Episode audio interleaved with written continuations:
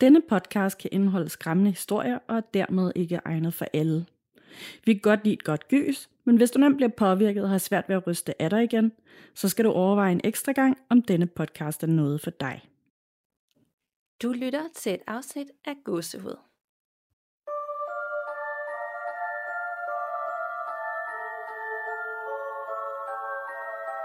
Hej Nana. Hej Danika. Og hej derude, og velkommen til episode 129. Yes. Dejligt afsnit. Dejligt afsnit. Ren lytterberetningsafsnit, og jeg vil sige, at folk har virkelig taget det til sig, at øh, vi sagde, at vi var bange for at løbe tør for de her lytterberetninger. Jeg godt, jeg kunne mærke inde i, øh, i indbakken, at der så sådan, det skal ikke ske, her er min forretning. Så det har virkelig hjulpet.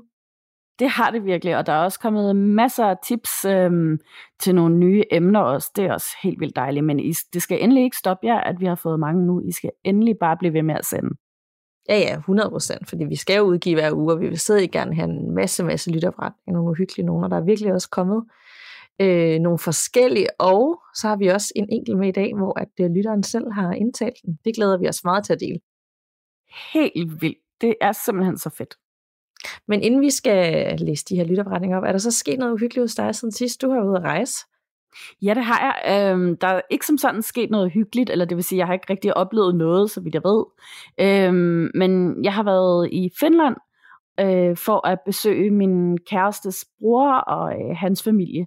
Og det var lidt af en oplevelse, fordi at... Øh, så, så øh, sad vi selvfølgelig og snakkede om, jeg lavede, og min kæreste fortalte, at jeg laver den her podcast og sådan noget. Og så siger øh, min finske svigerinde sådan, Nå ja, men altså, det kommer du slet ikke til at være noget i tvivl om, at, øh, at det eksisterer, når du kommer til Indonesien, for det er noget helt andet der. Der kan man ikke ligesom benægte, at der er noget. Hun havde egentlig ikke sådan haft troet vildt meget på det før. Hun har selv boet i Indonesien i nogle år øh, på Bali. Øhm, og øh, der var hun overbevist om, at de havde haft et spøgelse i det hus, hun boede i. Øh, og øh, det er også noget, min kæreste siger, og alle de mennesker, jeg møder, der er fra Indonesien, hans bror sagde det også, sådan, du skal lige passe på med også, hvad du tiltrækker.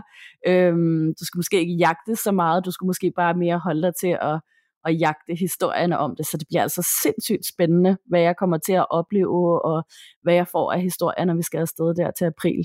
Ej, hvor spændende. Jeg vidste slet ikke, I skulle afsted. Om lige, det er jo lige om snart. Det er lige om snart, ja. Vi skal afsted en hel måned. Altså, du kommer jo til at optage dig noget fra, så du virkelig kan sådan nærmest live øh, rapportere, hvad der sker.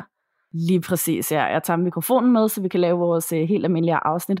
Og så kommer jeg også til at bruge den som sådan en memo-ting, sådan, så jeg kan gå og optage øh, alt det, jeg får at vide, og måske optage med nogen, der har lyst til at sidde og fortælle lidt og sådan noget. Ja, det bliver rigtig spændende. Verdens bedste idé. Ej, hvor bliver det godt. Og vi skal næsten det emne, at vi skal have, når du er afsted, det skal da være i øh, Indonesien. Det skal det da helt sikkert. Ja. Ej, det, det lyder spændende. Det bliver det. Hvad med dig? Hmm, er der det?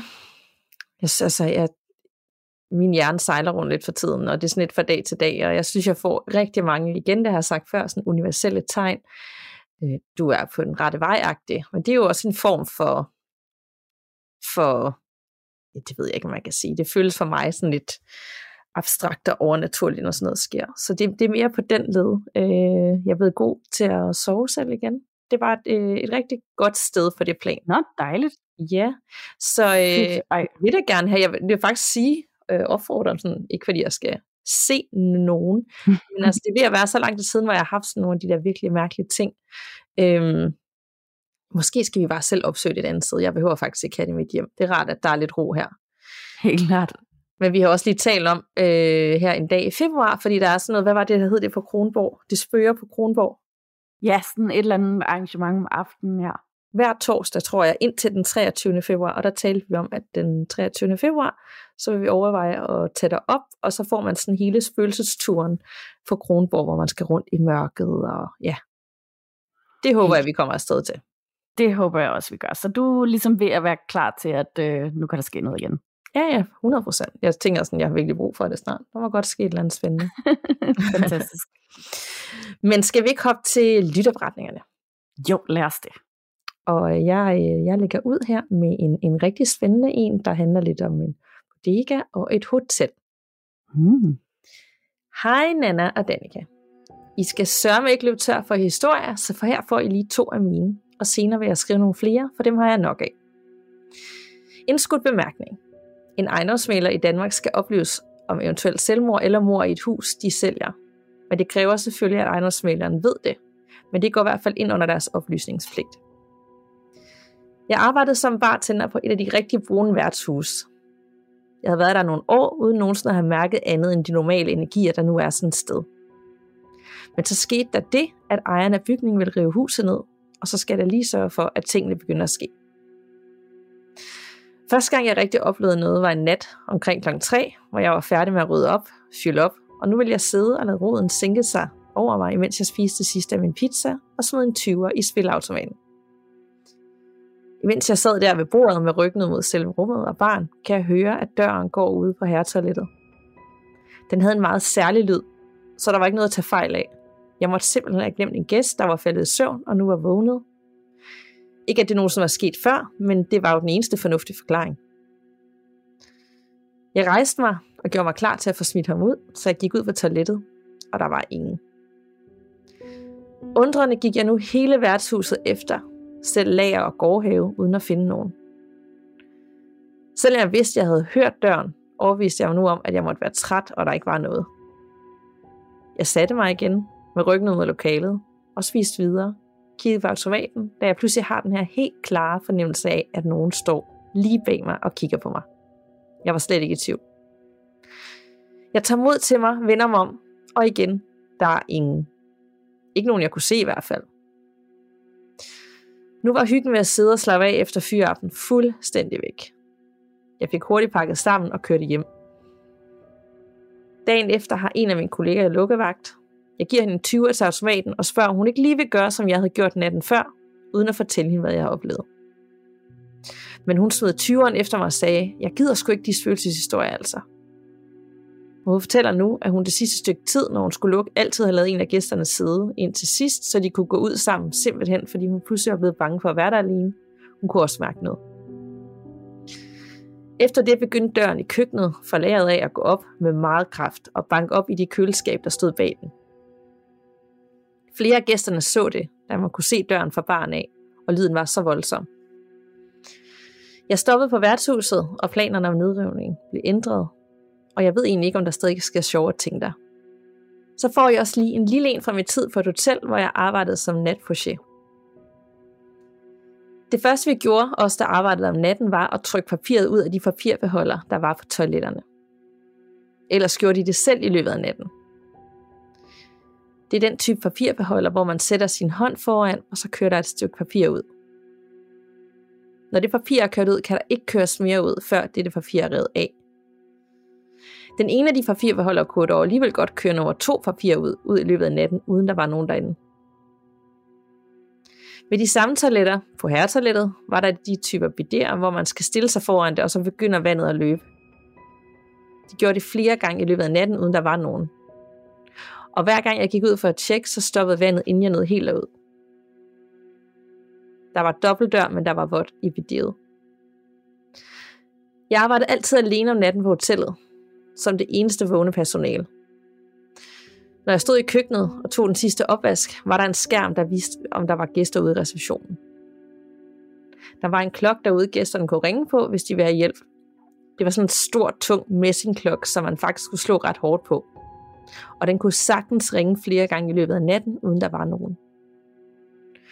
Når jeg så stod der og vaskede op, kunne jeg opleve, at gryder og pander, jeg slet ikke har haft fat i, væltede ned af hylderne.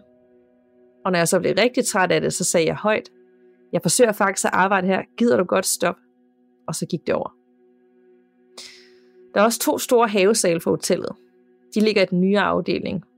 For receptionen skal man igennem barområdet og så en stor foyer, inden man kommer ind til den. Lyset af disse havesale var ikke altid muligt at slukke.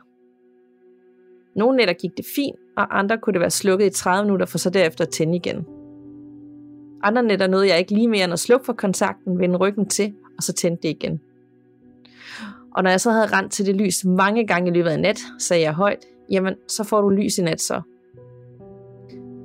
Der kom så en ny direktør, og han skulle svare, så han fik en elektriker til at gå der i to dage for at finde fejlen. Men han fandt ingen. Han skiftede alligevel et panel, for så havde han da gjort noget. Og nej, det hjalp heller ingenting. Lyset tændte alligevel, som det nu lystede. Det sjoveste, jeg oplevede, var, da jeg skulle oplære en af tjenerne som afløser. Vi var færdige med de fleste af nattens skørmål, og nu vil vi have lidt at spise. Vi satte os i baren med vores mad, for der var tv. Og her sad vi med ryggen til forjen ind til de to havesale. Og det var så en af de nætter, hvor lyset rent faktisk forblev slukket, så der var fuldstændig mørkt bag ved os, og det eneste lys, vi havde, var en lille bordlampe og fra tv'et. Pludselig bag os, inde i forjen, i mørke lød der et højt whoosh. Jeg registrerede det dårligt nok med alle de ting, jeg var vant til, til der skete. Så var det bare noget nyt, jeg kunne kigge til, når jeg var færdig med at spise. Men stakkels Peter røg op af stolen, kiggede ind i mørket og sagde noget forskrækket. Hvad var det? Jeg svarede, at hvis han skulle reagere sådan hver gang der skete noget her, så ville han ikke holde længe. Lidt irriteret over, at nu blev min mad kold, måtte jeg gå i receptionen og tænde lyset i forjen, så han kunne se, hvad der var sket. Inden vi havde sat os, havde vi gået vores nattelukkerunde og sikret, at alt var lukket og slukket, så derfor vidste vi, at alt var lukket. Ingen vinduer eller døre var åbne. Da jeg kom ind i forjen, er Peter i gang med at samle nogle folder op, der var faldet på gulvet. Disse folder stod på en reol lignende ting, specielt lavet til den type folder med en høj kant, der forhindrede den i at falde ud. Men ikke desto mindre var hele den øverste hylde ryddet, slidt på gulvet. Peter kigger op på mig og siger, hvordan kan det ske? Og jeg svarer igen, hvis du skal reagere sådan hver eneste gang du oplever noget her, så holder du ikke længe her alene om natten. Jeg husker desværre ikke, om han nogensinde blev kaldt ind, men jeg nød faktisk min natlige besøg. Drillede de for meget, fik de bare at vide, at jeg ikke havde tid, og så fik jeg fred resten af natten. Men det var faktisk dejligt ikke at være helt alene. Og så lige et lille PS. Der var et afsnit, hvor jeg snakker om røgelse og hvid salvie, og her vil jeg gerne lige slå et slag for at bruge den hjemmehørende gråbynke i stedet for. Det er super nemt at lave selv, og så er det noget mere bæredygtigt at bruge en hvid salvie. Det samme gælder for Palo Santo. Moder jord er i knæ, og vi kan alle gøre en lille smule selv. Mange hilsner fra Multiheksen. Ej, hvor er det bare... Jeg elsker det der med sådan en, en helt anden vinkel på det, det der med, at det bare er dejligt ikke at være helt alene. At der faktisk er noget der. Ja. Hun har simpelthen bare været så vant til, at der skete ting både på værtshuset og øh, hotellet, at ja. øh, hun registrerede slet ikke, når de der ting skete. Det var kun de nye, der gjorde det. Ja.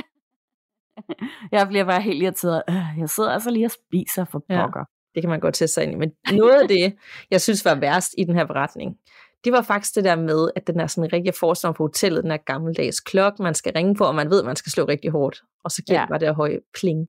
At det skete tit i løbet af natten, uden der var nogen. Ja. Ja. Det er det ligesom, det... jeg spiller sig selvagtigt. Ja, det er det. Det er virkelig, virkelig... Det, den synes jeg også var klam. Ja, fordi de andre ting med lyset og sådan noget, det er også uhyggeligt, men det er på en anden måde. Men det der med, når det er lyde, og især sådan gammel lyd, og jeg forestiller mig, at det er et gammelt hotel med de ting, der sker. Jeg ved faktisk ikke, ja. hvilket hotel det er. Det kan godt være, at om det.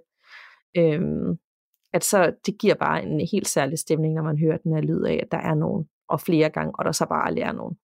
Ja, det er det. Altså også fordi lys, altså nu fandt elektrikeren jo ikke noget, øhm, men alligevel vil man sagtens godt kunne bilde sig selv ind, at det bare er en løs forbindelse et eller andet sted, eller eller et eller andet, der kan forklares. Ikke? Men, men den der klokke, der skal ringes på, det, den er svær at forklare. Den er virkelig svær at forklare.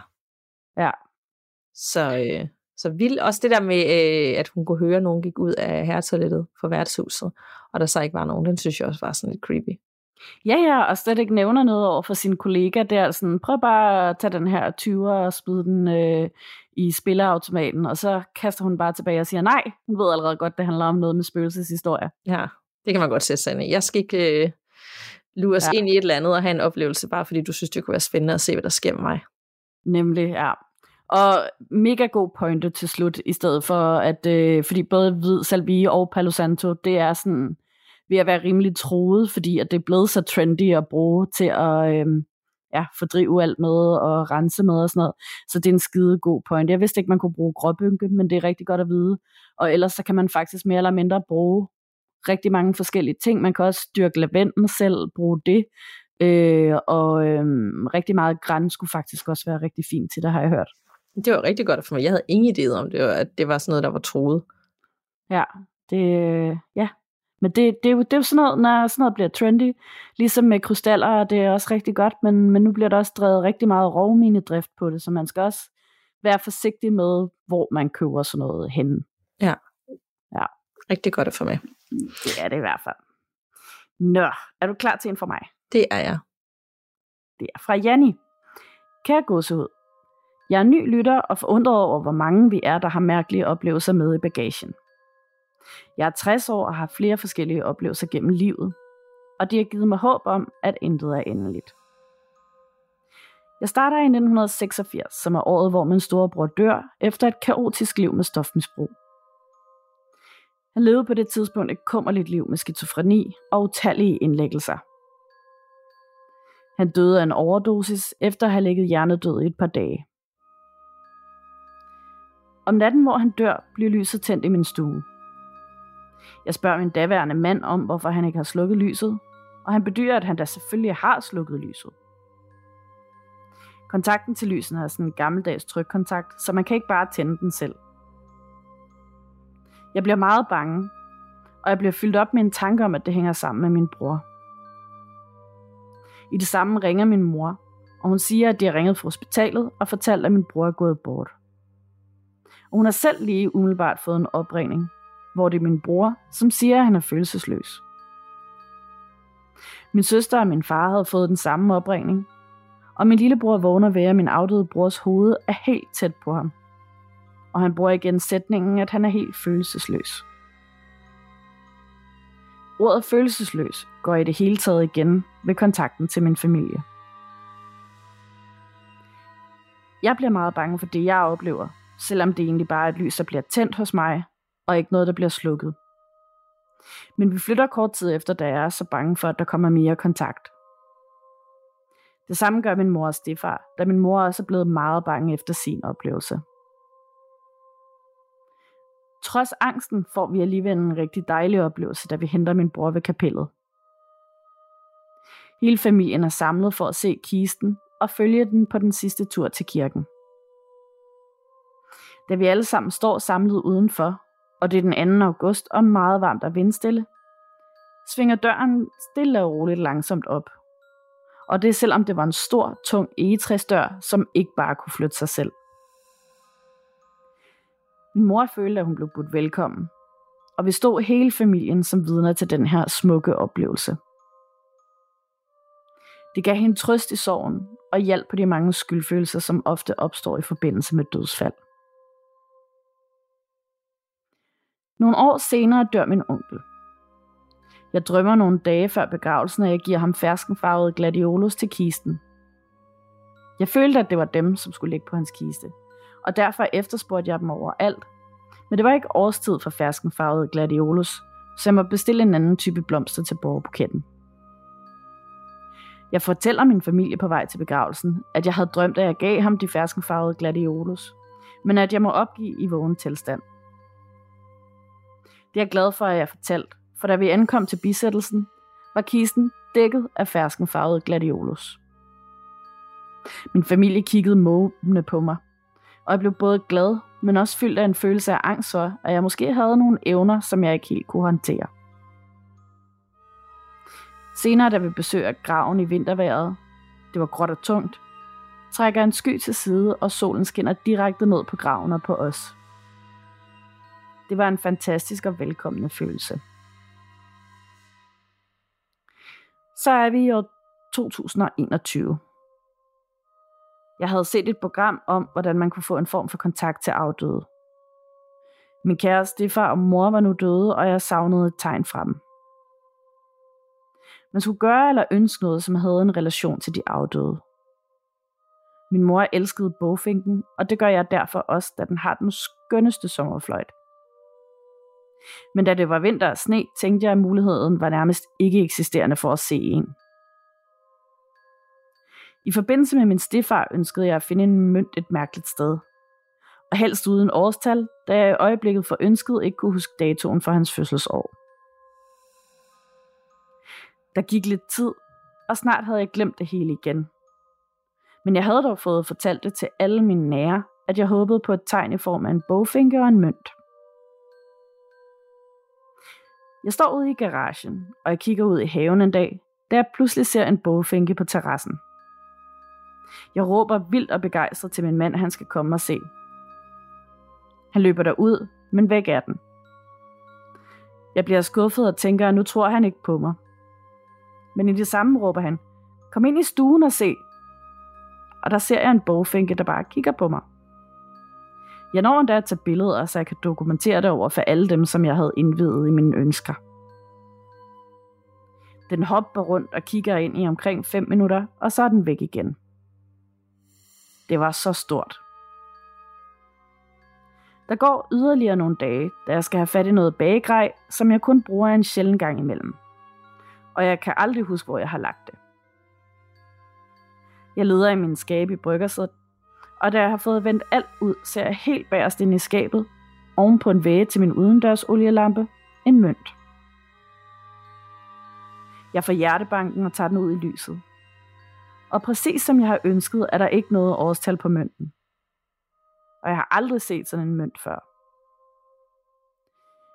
Min store søn var til stede, og han kendte til mit ønske om et tegn, så han fik kæmpe øjne og sagde, hvor er det vildt.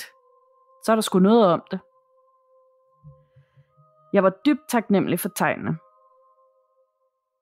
Jeg har ikke siden ønsket nogen tegn. Måske er jeg bange for, at jeg ikke får det. Så vil jeg hellere nøjes med de to, som giver mig så meget håb om, at der er mere på den anden side.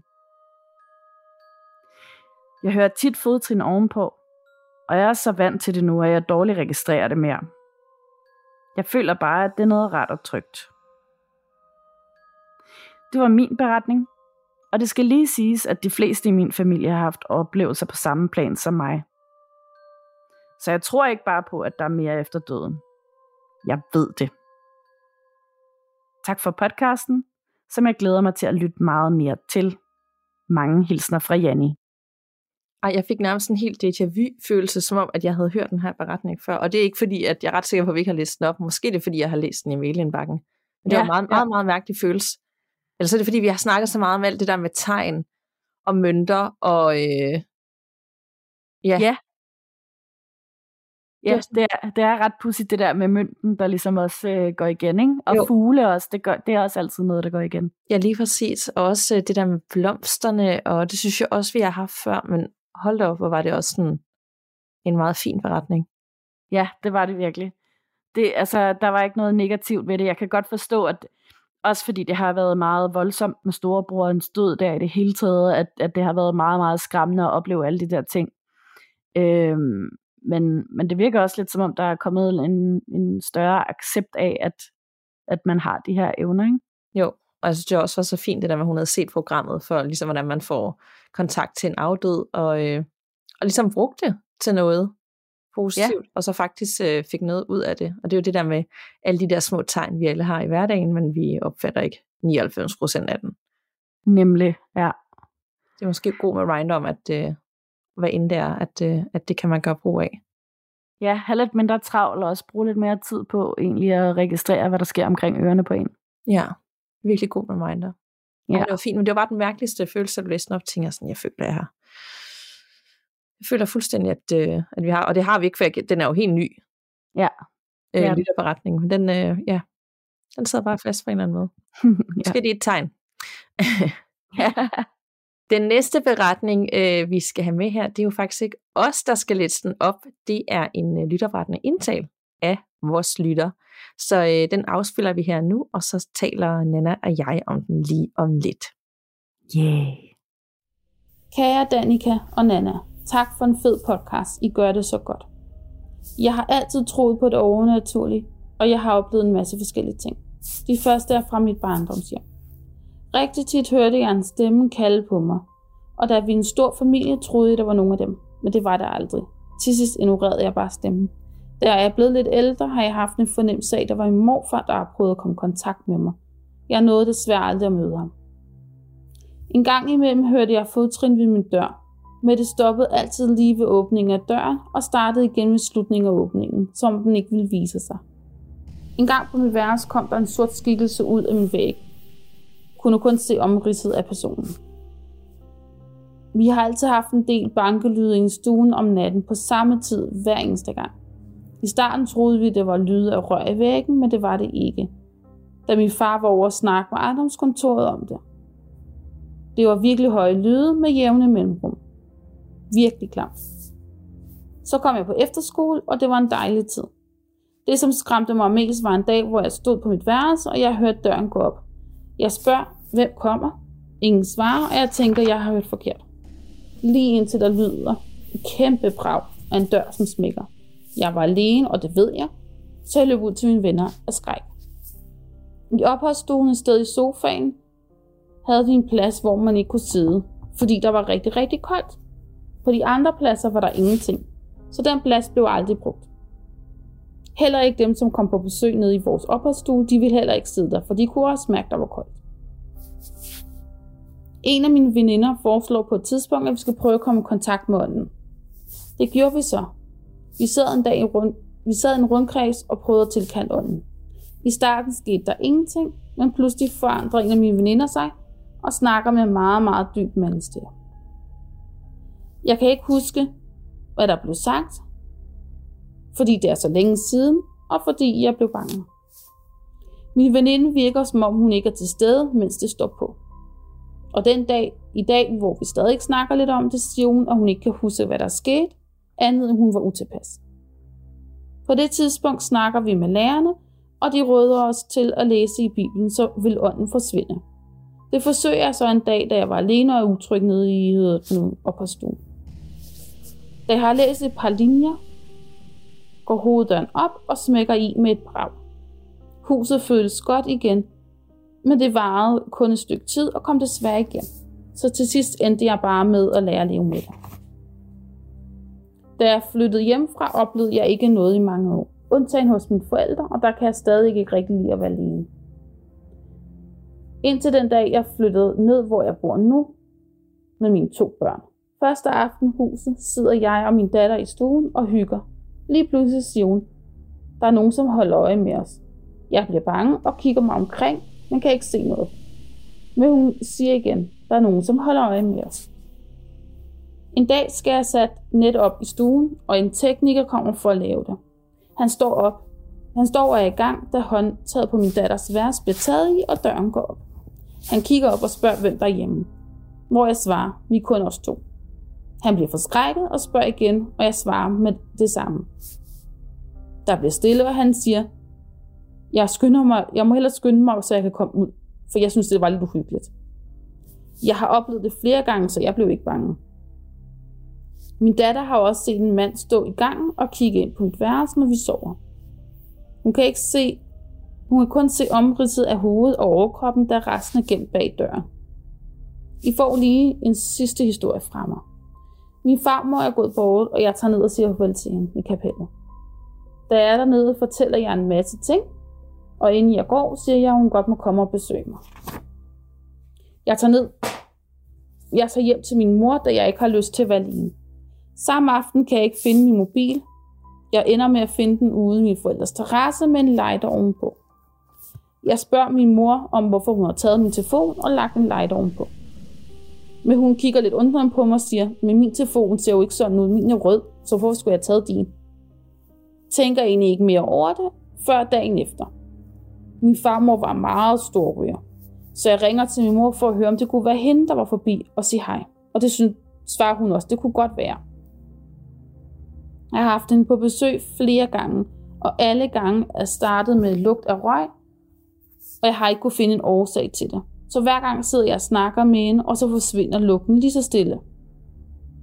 Men her til sidst har jeg været nødt til at bede hende om ikke at komme igen, da hun var kommet, mens mine børn var hjemme. Og jeg synes ikke, at min datter skulle se hende, hvis nu hun ville blive bange, og siden har hans farmor så desværre ikke været her.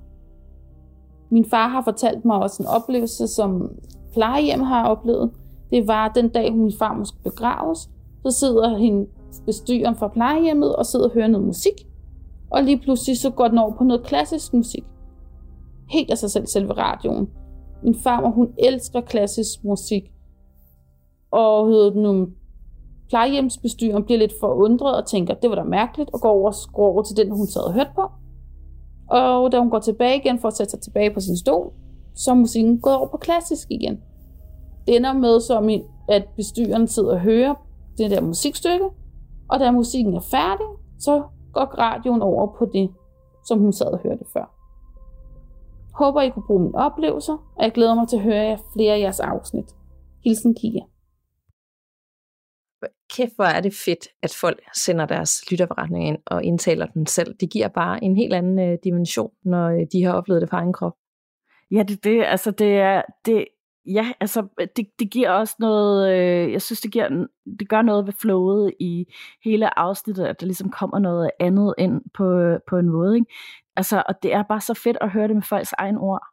Ja, og den, og den betydning har haft, og lige i det her tilfælde, ikke? nu tænker jeg, at det virkelig er startet, for hun var helt lille, og det har været nogle ret voldsomme oplevelser, og så øh, de skygger, hun sådan har set, øh, komme ud af væggen, da hun var barn, så sad jeg og tænkte på, for nu har hun jo haft den her oplevelse, da hun så øh, selv blev mor, at hendes datter har set det her overkrop og omrids af en, øh, en skygge, en mand, stå sådan bag en dør, om det er noget, der sådan, at hun måske er så sensitiv, at det er noget, der har fulgt hende op, og så gået videre til, til hendes datter. Ja, det tænkte jeg nemlig også, at det kunne være noget af det samme. 100 procent. Altså det, men jeg egentlig skriver det på sådan en meget cool måde. Jeg kan godt forstå, at hun gerne vil værne om det i forhold til datteren, at hun ikke skal have for mange voldsomme oplevelser, men det er igen det der med, når noget bliver meget sådan, man har haft så mange oplevelser, så bliver det bare det nye normal, og så håndterer man det. Ja, helt sikkert. Jeg kan også sagtens forstå det. Jeg kan også godt forstå den der øh, ævelse over, at øhm, bedstemoren ikke øh, kommer der mere, men altså... Ja. Mm, det kan være, at det bliver tid til det igen på et andet tidspunkt. 100%. Og jeg synes også, der hvor hun fortalte, at øh, lige da farmoren var død, at, øh, at, øh, at hendes telefon var lagt ud med en lighter ovenpå, hvor hun var sådan til sin egen mor, er det dig, der har taget min telefon, og hvorfor har du lagt en lighter ovenpå? Det er vildt mærkeligt. Og hun var sådan, øh, det er så slet ikke mig. At det kunne godt have været sådan en øh, besked fra farmoren, som var som røg meget, øh, der lige ville lave sådan, hey, jeg har stadigvæk, eller jeg vil lige sige farvel. Og det samme på plejehjemmet, ikke med den klassiske musik. Ja, det, det, altså, og det, det, det er lidt vildt det der med en hel telefon og en lighter ovenpå den, især hvis, øh, hvis lytteren her ikke engang selv ryger jo, øh, fordi så er det ikke bare noget, man lige glemmer, at man selv har gjort. Øhm, og, og virkelig fint også, det, det har været en stærk person, som gerne lige ville sende en hilsen der med, med det klassiske musik på radioen, og også på en meget høflig måde egentlig, at, øh, at lige så snart det klassiske musikstykke er slut, så, øh, så sætter man den tilbage til det, som, som øh, plejehjemsmedarbejderen hørte før. Ja, og jeg synes også over det der med, hvordan man, når nogle mennesker dør, at de allerede kan have så meget power til, at ja. de kan komme igennem på en måde, hvor de kan flytte en, øh, en telefon og lægge en lighter ovenpå, eller de kan ændre radiokanalen til noget musik. Om der er sådan, og nogen er sådan, jeg behøver det ikke, jeg skal bare direkte videre over på den anden side, og så er der andre, der var sådan, jeg vil gerne lige gå ud med et brag og lige sige endelig farvel og, og vise, ja. at jeg er her. Det vil jeg også. Ja. jeg håber bare, at jeg, at jeg formår det, at jeg forstår, hvad der skal til, så jeg ikke bare sådan ender med at bare være sådan, jeg er bare den der, der kun lige tænder og slukker et lys en gang, og så er jeg væk. Ja, eller sådan er skygger eller et eller andet, hvor folk bare tænker, hvad var det? Det var nok bare ja. min fantasi. Ja. ja. Og man slet ikke har nok gennemslagskraft. Man håber virkelig, og der er ingen, der fatter, at, øh, at det er en, der prøver faktisk at gøre opmærksom på sig selv. Det vil være sådan et antiklimaks. Nemlig. Så mega fedt, øh, at du sendte den ind til os, hvis andre skulle have lyst til at læse deres egen lytterberetninger op. Øh, og det kan også være en, man har sendt tidligere, og tænker, at jeg indtaler den lige selv, og så, så kan de få det med. Så må man altid sende dem til gåsudpodcast.gmail.com, og det er gåsud med to af og du må selvfølgelig også fortsat bare øh, skrive, hvis du øh, foretrækker det. Men send endelig, uanset om det er dig, der har oplevet det, eller det er andre, der har oplevet det. Det vil vi elske. Yes, vi elsker det. Og også igen en opfordring, hvis man har lyst til at prøve at skrive noget fiktion, øh, så længe man bare husker at skrive, at det her er altså en historie, jeg selv har fundet på, det er ikke noget, der rent faktisk er sket, øh, så kunne det også være virkelig, virkelig, virkelig sjovt at prøve at læse op. Ja, endelig. Ja. Ja, ja. Vil du have en mere for mig? Det vil jeg meget gerne. Super. Karina skriver Hej Godset podcast. Jeg har tre historier. To af dem er noget, jeg selv har oplevet, og den tredje historie er noget, jeg har hørt. Det der er min første oplevelse. Min historie handler om dengang jeg var 17 år gammel. Jeg havde en måned før inden min oplevelse mistet min bedste veninde til selvmord. Hun var som en søster for mig, og hun var den eneste, jeg stolede på på det tidspunkt. Hun var på en måde hele mit liv, og det gjorde så ondt at miste hende. Hun havde hængt sig selv, og det var mig, der fandt hende. Det var en forfærdelig oplevelse, at jeg blev fuldstændig slået ud, og jeg kunne slet ikke få min hverdag til at fungere normalt efter det. Jeg lå en aften i min seng og prøvede at sove, men jeg kunne ikke så meget andet end at ligge og græde i sorg om aftenen, når jeg gik i seng og var alene. Og det gjorde jeg også denne aften. Imens jeg lå i sorg med tårerne trillende ned ad kenderne, kunne jeg pludselig mærke en, der ædede mig i håret, som en form for trøst. Og så kunne jeg dufte hendes parfume. Det var en parfume, som jeg ikke selv brugte, og jeg fik en mærkelig følelse i kroppen af, at jeg ikke var alene, selvom jeg egentlig var det. Jeg gik lidt i panik og skyndte mig at tænde lyset. Men der var, som jeg jo godt vidste, ikke nogen. Flere dage efter havde jeg en følelse af, at nogen holdt øje med mig. Mest i situationer, hvor jeg kunne mærke sorgen. Jeg kunne i flere år ikke se film, hvor folk blev hængt, da jeg så min venindes ansigt for mig. En aften sad jeg så og så en film, som jeg havde set flere gange før, og jeg vidste, at der ville komme en scene med en hængt person. Men lige inden den scene slukkede tv'et. Jeg troede ikke på det overnaturlige, som ånder og sådan noget før, men jeg har i dag den tro, at det var hende, der passede på mig, og hele tiden har været tæt på mig. Det her er min anden oplevelse. Jeg var på besøg hos min kæreste. Vores forhold var meget nyt, og jeg havde kun sovet ved ham nogle gange på det her tidspunkt. Jeg vågner om morgenen og går på toilettet, mens min kæreste stadig ligger og snorksover. Jeg holdt døren til toilettet åben, og pludselig kan jeg høre, at der går nogen på gulvet. Det gav nemlig en tydelig lyd, når man gjorde det. Jeg tænkte, at min kæreste nok var vågnet, og så tænkte jeg ellers ikke yderligere over det.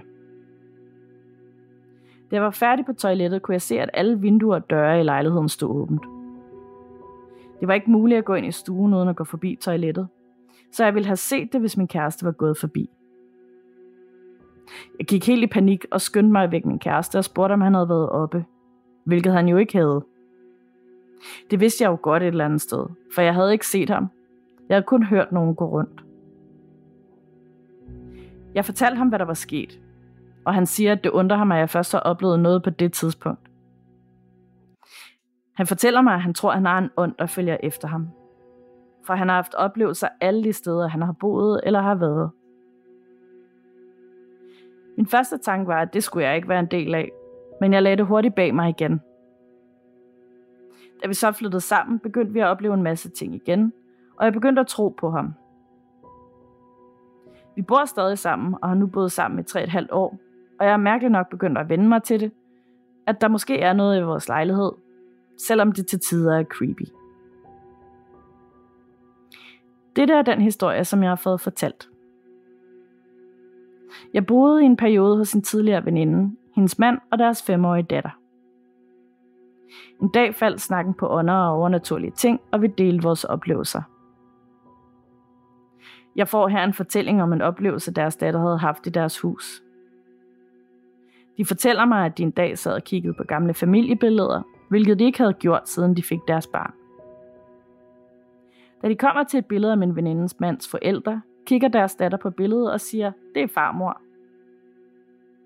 Hendes farmor døde to år før hun blev født, og hun bliver derfor spurgt, hvor hun ved det fra, for hun havde jo aldrig fået det at vide. Hun fortæller sig, at hun har stået på hendes værelse og kigget på hende om natten, og sagt, at hun passede på sit barnebarn. Det gøs gennem min veninde og hendes mands krop, og det samme gjorde det gennem min, da jeg fik historien.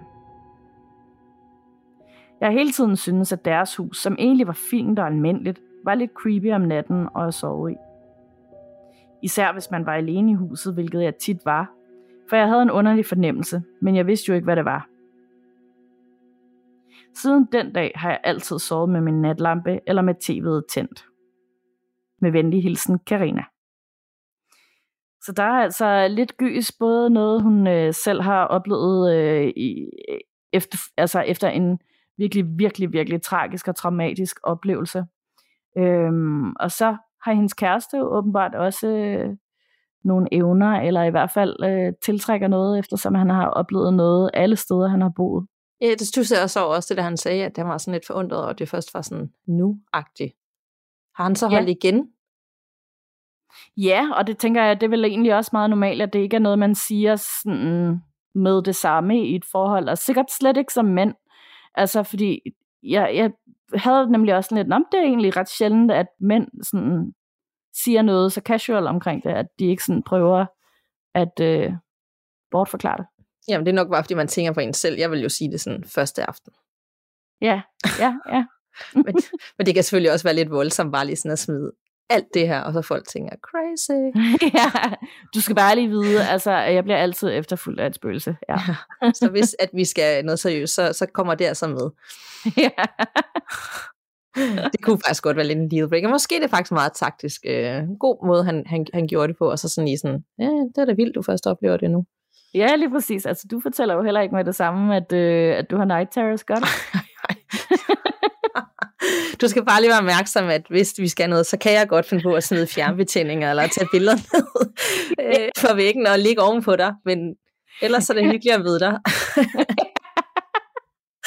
Ej, det, er ikke. det kunne være, at det skulle på min Tinder-profil. Lider af night terror. ja, præcis. Nej, det, det går sgu nok ikke. Det, så tror jeg, at folk løber meget hurtigt væk. Ja, det tror jeg også. Så det er bedre, at de bare opdager det ved, at jeg sådan står og klikker på dem om natten, eller tingene er mærkelige, ikke? Jo, nemlig heller, at de bliver skræmt for livet. Så er de også lidt følsomme, så er det måske sværere bare at gå fra en bagefter. Ja. Vi godt have sådan en helt afsnit med, hvordan dater du, når du øh, be, altså, har night terror, eller tror på det overnaturlige. Fordi jeg kan da virkelig godt være sådan en red flag for nogle mennesker. Ej, men kan vi egentlig ikke aftale, at vi gør det øh, i den, den uge, hvor at øh, omkring Valentine's Day, så laver vi et Valentine's Ghost afsnit. Fordi der er jo også vildt mange af de her historier med øhm, især kvinder, der har giftet sig med et øh, spøgelse, og så lige pludselig bliver de ghostet af deres spøgelsesmand og sådan noget. Altså, det er jo fuldstændig langt ude, men det er jo interessant og sjovt. Man kunne godt lave sådan en virkelig sort, sjovt øh, Valentins afsnit, men også sådan Ja. gode tips til, hvis du øh, øh, skal finde en kæreste eller date, men samtidig interesserer dig for det overnaturlige. Altså, Ja, fordi ja. jeg også, altså, nu dater jeg jo også nogle gange, og jeg, sådan, nogle gange kommer jeg jo til at sige, at jeg har en podcast, uden at tænke over det, og så spørger de, hvad handler den om? Og så ja. er jeg sådan, fuck. Øh, ja. så begynder jeg sådan, jamen kender du ved, ligesom true crime, sådan lidt eller det spænding, du ved Ja, ja. og så sådan gås ud, men så, øh, så finder de den jo tit. Og, Ja. og så er jeg jo helt fucked. Altså, så kan jeg jo ikke... så er der jo ikke noget at gøre, og så skal man prøve sådan at bortforklare det, sådan, åh ja, og det er jo også, det kan folk jo godt lide at høre om og sådan noget. Det bliver nogle gange noget råd, vil jeg ja, sige. det gør det altså. Så nu holder jeg lidt igen med den der. Det er sådan noget, det er sådan noget for date 4, du lige smider den ind.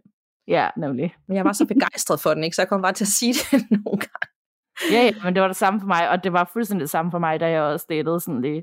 Og, og det tog også et stykke tid for mig at sådan finde ud af, at det ikke var alle, der reagerede lige positivt på, at man, tager, at man sådan en gang Ja. om ugen snakker om spøgelser.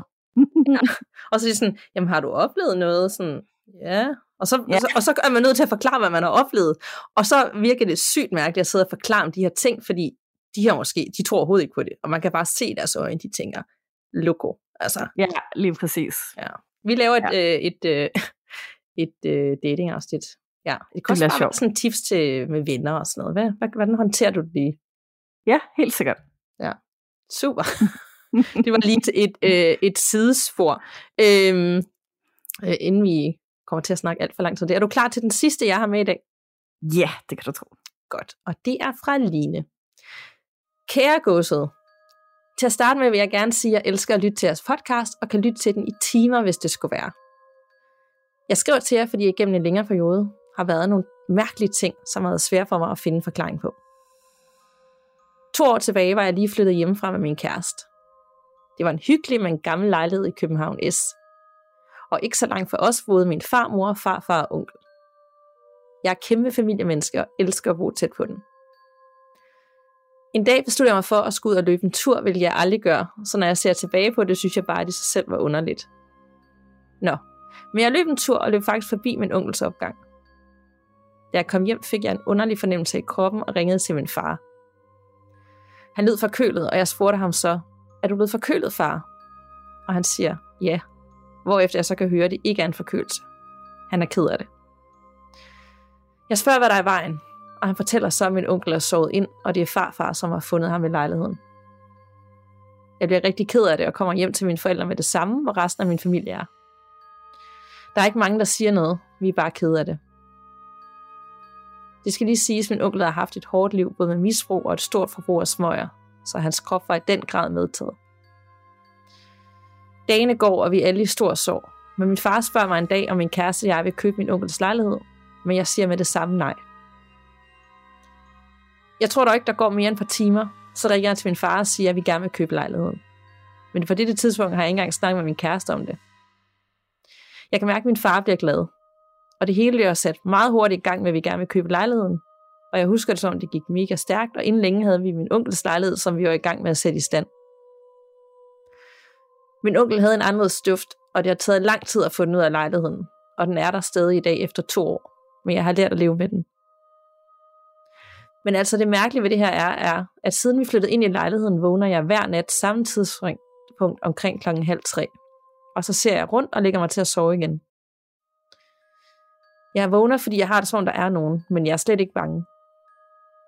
Jeg har gået meget og tænkt over, om det var det tidspunkt, min onkel døde på. Der går ikke længe, og så går min farmor hen og dør efter et længere sygdomsforløb. Jeg er meget tæt med min farmor og har svært at forstå, at hun ikke er længere ved os. Men altså en nat vågner jeg ligesom alle de andre nætter og kan se, at i min kæreste side af sengen sidder der en dame på sengekanten med hår som min farmor. Faktisk ligner hun også min farmor ubeskriveligt meget. Jeg gnider mig i øjnene, og hun er der stadig. Jeg lægger mig helt upåvirket ned og sover videre. Jeg spørger så min kæreste næste morgen om, hvordan han har sovet. Og han siger, jeg har sovet, som jeg plejer. Men i den sætning havde jeg nok håbet på, at han sagde noget andet, end han plejede, men det gjorde han ikke. Jeg har længe gået og tænkt over, at jeg rigtig gerne vil se den dame igen, som jeg tænker var min farmor. Jeg har det i hvert fald tit, som der er nogen lejligheden, men jeg er aldrig bange. Så jeg er helt sikker på, at det er min onkel og farmor. Det var bare en af mine historier. Jeg håber, jeg må dele flere senere hen. Knus for Line. Det må man jo altid godt. Man må altid gerne skrive igen og dele historier. Øhm, det er lige før, vi, vi har lyst til at sige, at det skal man, fordi det er bare dejligt.